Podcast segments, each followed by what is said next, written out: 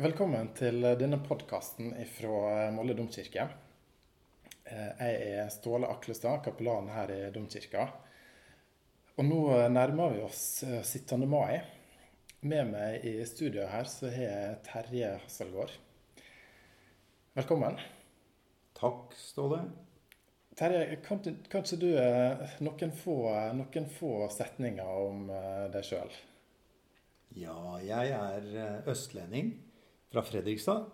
Jeg er eh, pensjonert eh, lege og har vært lege i Molde i mange, mange år på sykehuset. Jeg er 72 år 17. mai Aha. i år. Ja. Og vi har også invitert deg eh, i studio til en samtale om teksten for 17. mai i år. Det er en spesiell tekst som jeg tror er spennende i vår sammenheng og den situasjonen vi er i. Jeg skal lese nå teksten fra Salme 127.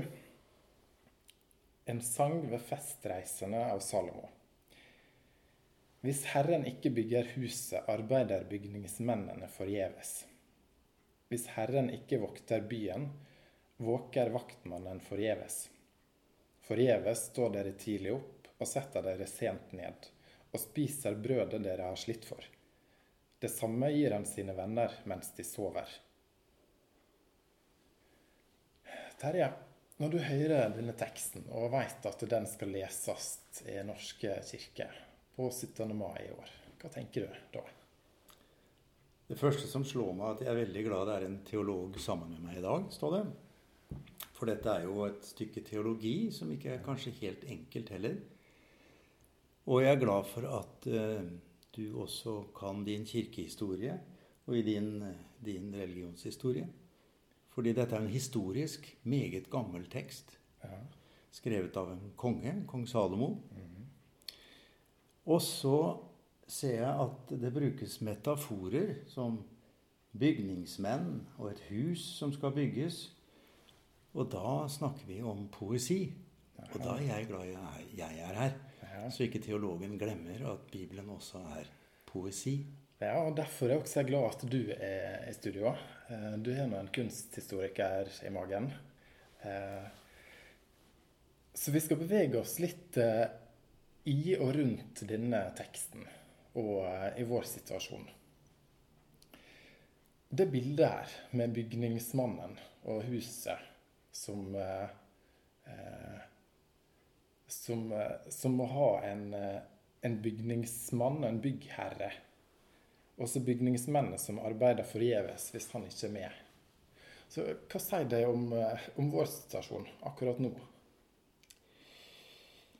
Ja Det eh, er jo ikke tilfeldig at denne teksten er valgt på 17. mai, vil jeg tro. For det ligger jo en måte å tolke denne teksten på at uh, Gud må ville være med på byggverket. Ellers så er det vi gjør, forgjeves. Og det ligger jo i en, en ligger jo i eh, Elias Blix sin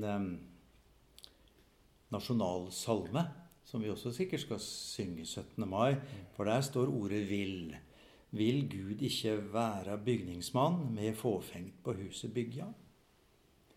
Så det her er altså direkte uh, sitat i det er ikke direkte sitat, for han har med ordet 'vil'. Jeg ser også at teksten kan, uten ordet 'vil' kan forstås mer kosmisk, som at Gud alltid er med og bygger i verden sammen med oss. Men hvis vi ikke regner med ham, så bygger vi forgjeves. Men at han alltid er byggherre, og ikke bare når han vil. Det vil si en kosmisk skaper som har skapt alt, og oppholder også det han selv har skapt. Mm. Det også ligger i teksten. Mens eh, putter vi inn ordet 'vil', så kan vi jo havne i veldig nasjonal, romantisk måte å forstå det på. Mm. At han, eh, siden vi har det så godt, så er det her han vil hjelpe til. Ja, det er vårt, vårt hus som er, ja, som er best. Det er vårt hus som er best. Ja. Så det ligger nok en nasjonalromantisk grøft i teksta ja, ja. hvis vi overdriver for mye at, eh, at eh, Gud eh, bygger vår nasjon. Men vi skal takke for det han har hjulpet oss med til i dag. Det er sikkert mange av disse temaene vi kommer til å komme videre inn på i samtalen. Men jeg tenker bare for å, for å etablere teksten litt i starten Vi har nå vært inne på både teologien det her er noen tekster som har vært i liturgisk bruk gjennom lang, lang tid. Eh, du sa noe om at det her er poesi også. Eh, men sånn relatert til vår situasjon, eh, der vi nå de siste månedene har bak oss en periode med det som Erna Solberg kaller de mest inngripende tiltakene i Norge i fredstid. Og vi hører her om et hus som Herren er med, uh, vil være med, eller i alle fall bygge. Og vi i det siste kanskje opplevd at eh, grunnvollene er rista. at det huset som vi trodde sto så trygt, som vi satte vår lit til nesten helt ubevisst, plutselig så rista det helt i grunnmuren.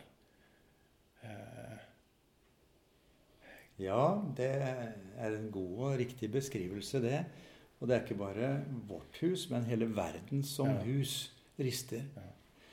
Og um, det um, har det gjort før, og det vil det kanskje gjøre igjen. Men um,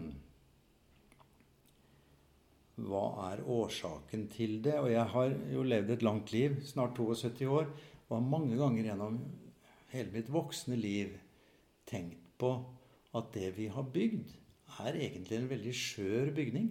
Mm. Um, men vi tar det veldig som en selvfølge at uh, kaffemaskinen skal virke hver uh, frokost, og PC-en skal slå seg på bare vi trykker på en knott, og strømmen er der hele tiden, og varmt vann i springen, og alt dette her er, tar vi som en selvfølge.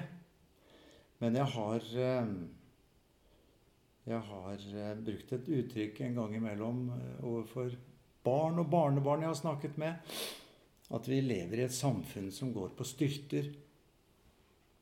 Og enhver som har vært på Romsdalsmuseet og prøvd de styltene som står opp til veggen der, de vet at eh, du kommer høyt opp og får god oversikt, og alt er som å sveve når du går, men du er veldig lett for å snuble. Det går rett fort i bakken. Og du har virkelig følelsen av at du står på et skjørt underlag, eller på en skjør stylte, som eh, Og det tror jeg vi kanskje kan bruke til å øve oss. Hvis du går på Facebook i dag, så er det veldig mange små videosnutter av folk som øver seg. De trener hjemme, de trener i trapper, de sparker fotball med doruller. De holder på. Ja, ja. Men kan vi ikke bruke hele situasjonen til å øve oss i å være mentalt forberedt på at det er ikke sikkert morgendagen er så god som i dag. Terje, du har et langt eh, liv bak deg som, eh, som lege. Er det noe sånt du tenker? Altså, og det å, være, det å være nær selve livsgrunnlaget vårt, eller forutsetningene for å leve At til sjuende og sist så veit vi faktisk ikke hva morgendagen eh, bringer?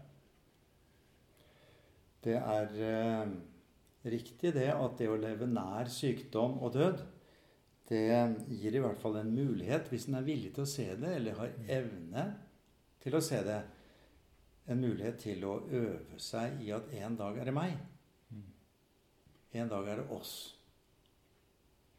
Um, overlege Kjell Erik Strømskag leverte en prøveforelesning til, til doktorgraden sin for uh, ikke så lenge siden. Hvor han uh, skrev en doktorgrad om uh, lindrende behandling. Og i møte med død så sa han i prøveforelesningen at 'jeg øver meg', sa han. Jeg syns det var veldig godt sagt. Vi har en mulighet for å kunne øve oss i det som er faktisk det vi ser på denne jord, at alt er ikke like bra alltid. Både når det gjelder verden vår, og når det gjelder vårt eget liv. Du har sikkert eh, i likhet med meg fulgt eh, litt med på hva som skjer eh, fra kirka i denne tida. Vi har gått over til å sende på nett. Altså her sitter vi og lager en podkast, så det er mye nytt. Og du sa noe veldig interessant når vi, når vi forberedte det her om bønnespråket til kirka. Altså det er blitt bedt mange bønner i denne tida. Hva er det egentlig vi har bedt om?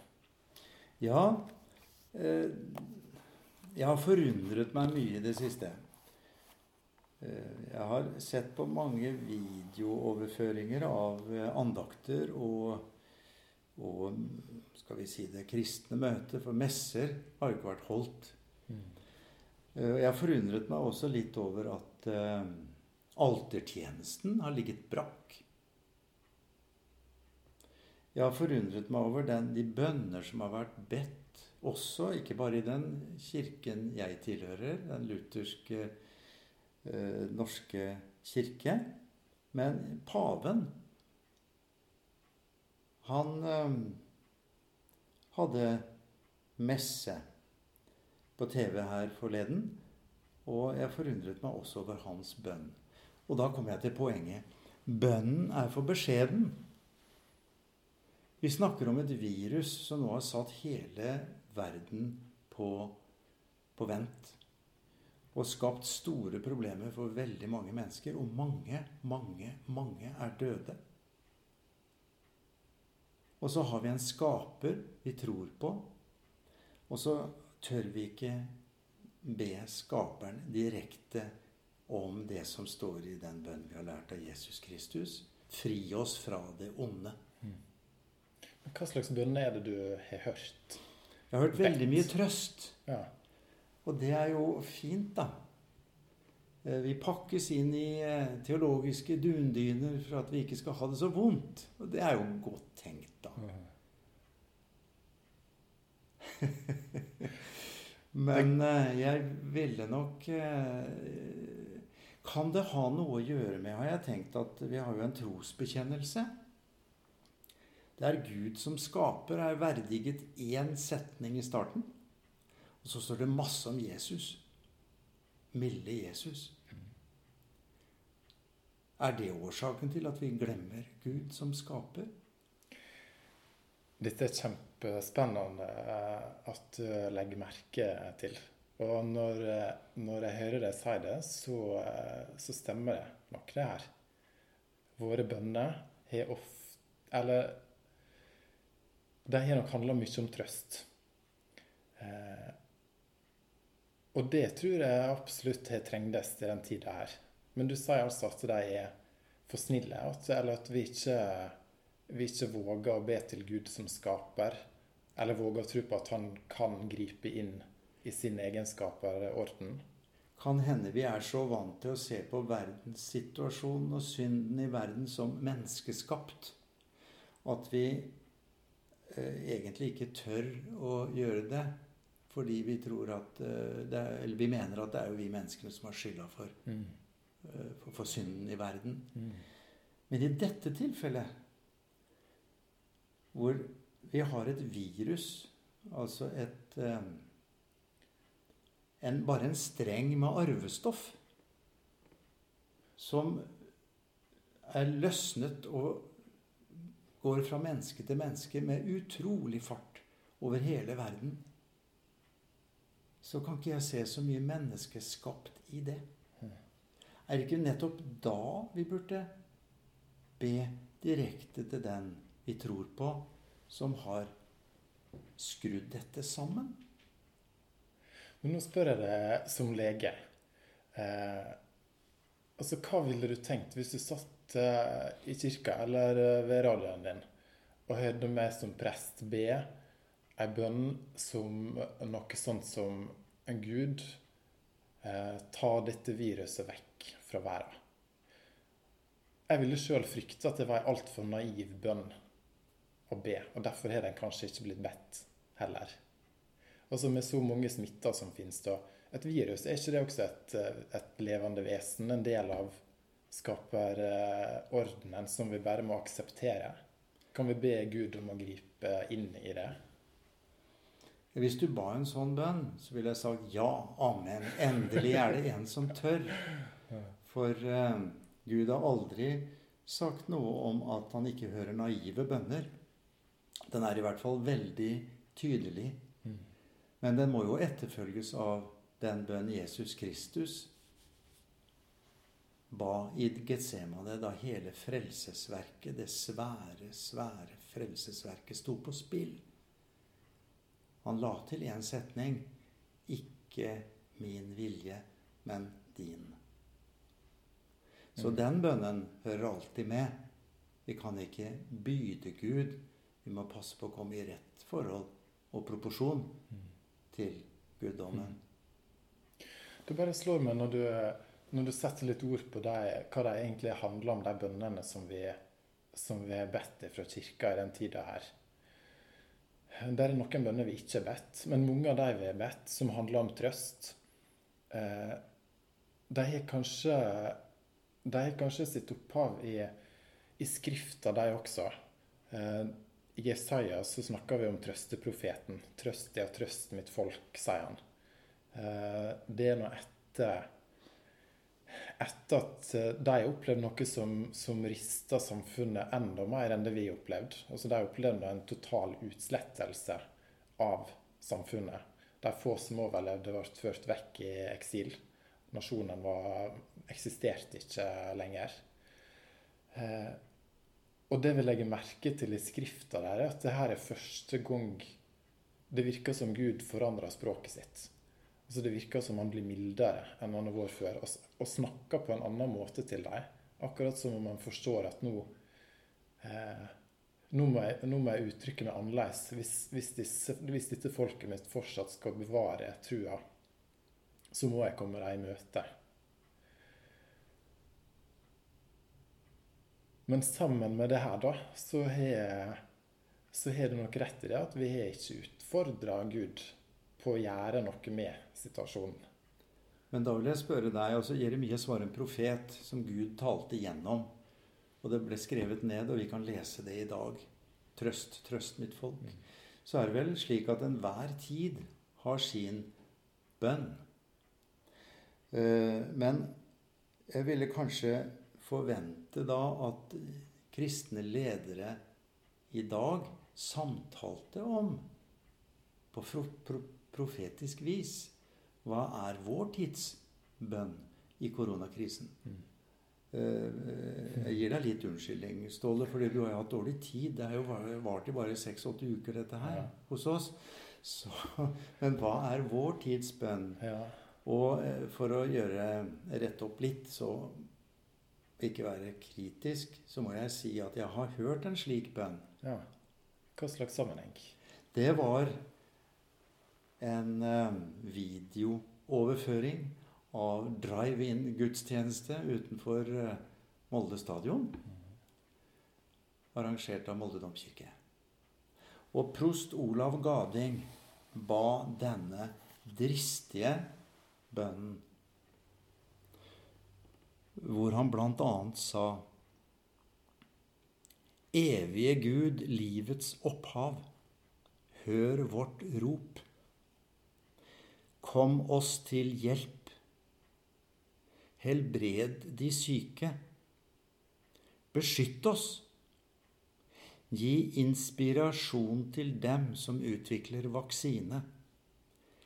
Helbred vår verden. Helbred våre kropper. Jeg tror det, som amatør og ikke, ikke profet, naturligvis, men jeg tror det kan være vår tids bønn. Mm.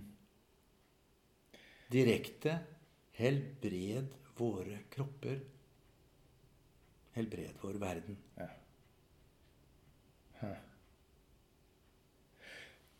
Du kom i stad med en, eh, en litt um, eh, Ja, kanskje vi skal kalle det et spørsmålstegn, iallfall. Eller en liten kritikk av truvekjenninga. At den har fått Ja, Den, den har fått en ja. Den har fått en stor midtdel som i hvert fall vi har lagt veldig mye vekt på i vår vestlige kirke. Mm. Og så sa du at eh, skaperguden er nevnt med én setning først. Mm. Og det her er nå ei bønn til skaperguden, er ikke det det? Altså helbred vår verden. Ja, Der stiller vi ham til ansvar ja. eh, og ber ham om å rette opp.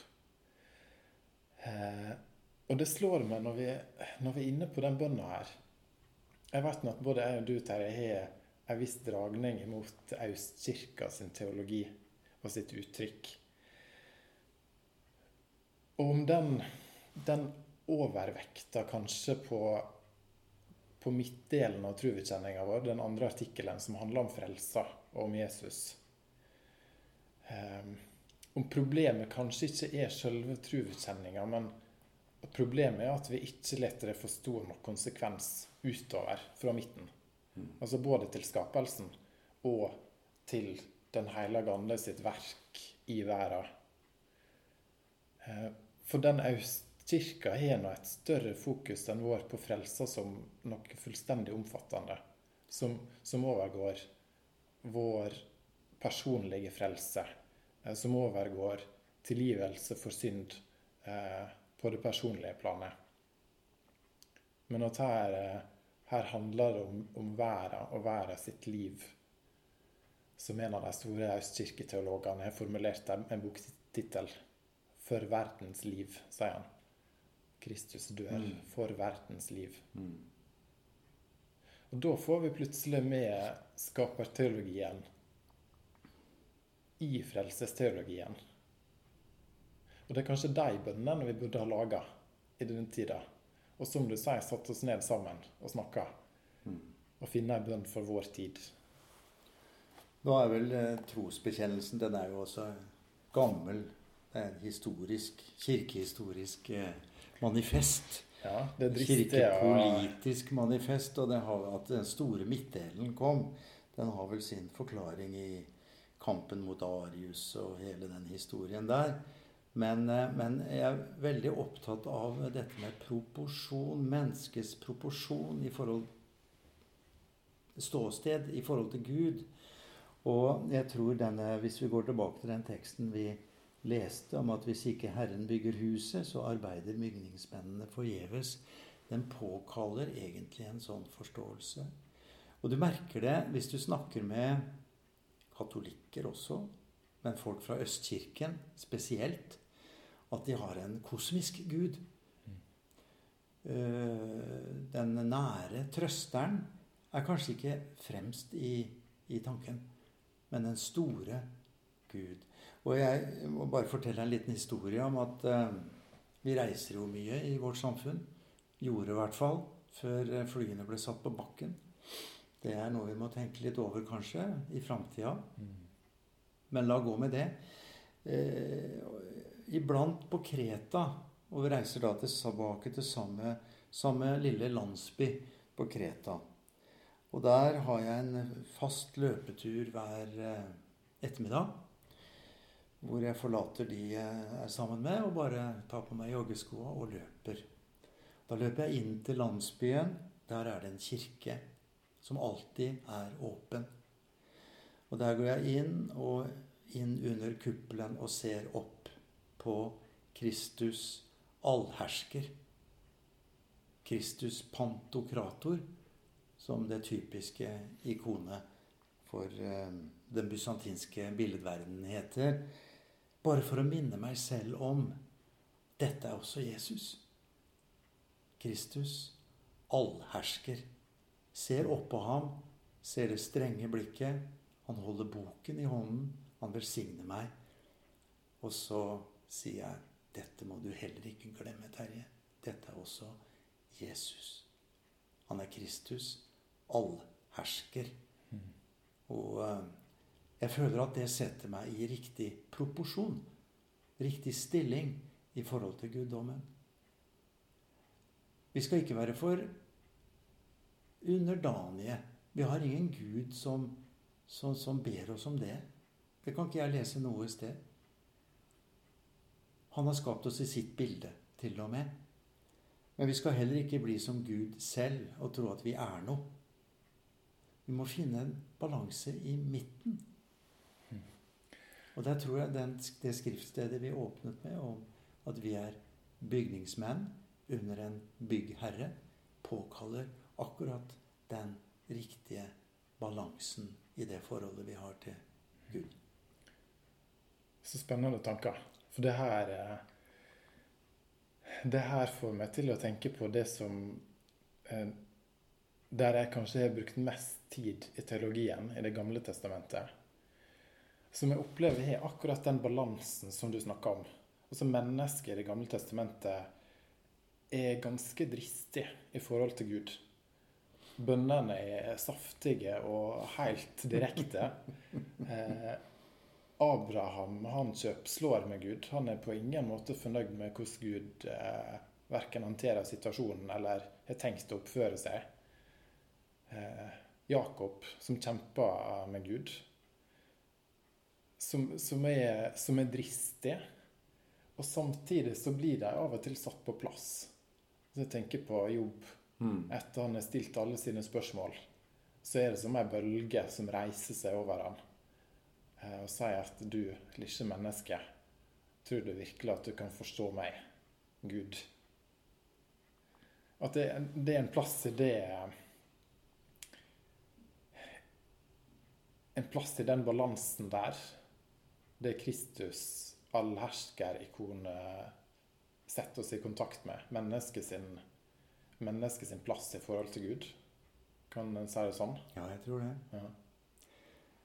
Og det er veldig viktig, tror jeg, i vår sekulariserte verden og vårt samfunn, som blir mer og mer sekularisert, at vi eh, fremholder mysteriet Gud som en som vi kan forholde oss til. Um, en som er der, til tross for at vi har fortsatt problemer med det ondes problem. Å forklare det, at det er ondskap i verden, den, det får vi putte inn under mysteriet, det òg. Men jeg, jeg, forstår på mange måter de sekulariserte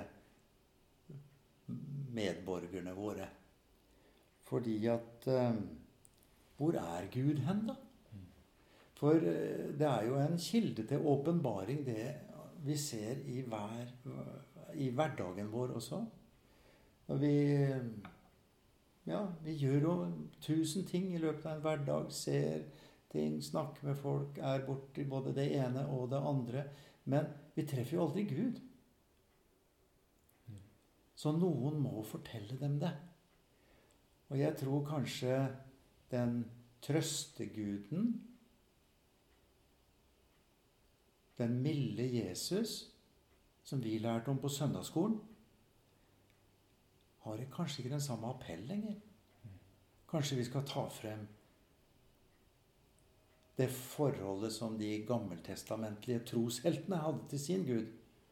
Hvor de gikk i rette med Gud. Ja, det er lidenskapelig og modig. Ja. Det er lov. Det sånn er vår Gud. Det slår meg når du snakker om det her. Eh, Magnus Malm eh, ga for et par år siden ut en bok som heter 'Som om Gud ikke fins'. Og vi snakker om at samfunnet er sekularisert, men på mange måter så er det nesten en følelse av at du Ved å snakke om bønne, bønnespråket vårt de, de siste to månedene, så har kanskje Kirka også forholdt seg til Gud som om, som om Gud ikke fins. Og det er noe interessant, da, at vi som kirke heller kanskje ikke regner med at han skal gripe inn på noen direkte måte. Nei, det er jeg helt enig i. Men uh, hvis vi nå går tilbake til den teksten ja. Skal vi avrunde med ja. det, kanskje? Ja. Så står det noe veldig spennende helt til slutt, som du leste. Forgjeves går dere sent til bords og spiser brødet som dere har slitt for. Men så står det Det samme gir han sine venner mens de sover. Vi skal ha lov å hvile i denne troen vår òg. Og han opprettholder byggverket likevel, selv om vi får hvile innimellom. Så det er også en del av det. Jeg syns det her er en, eh, en god plass å avslutte samtalen, eh, Terje. Gud som gir det vi trenger, også mens vi sover. Ja.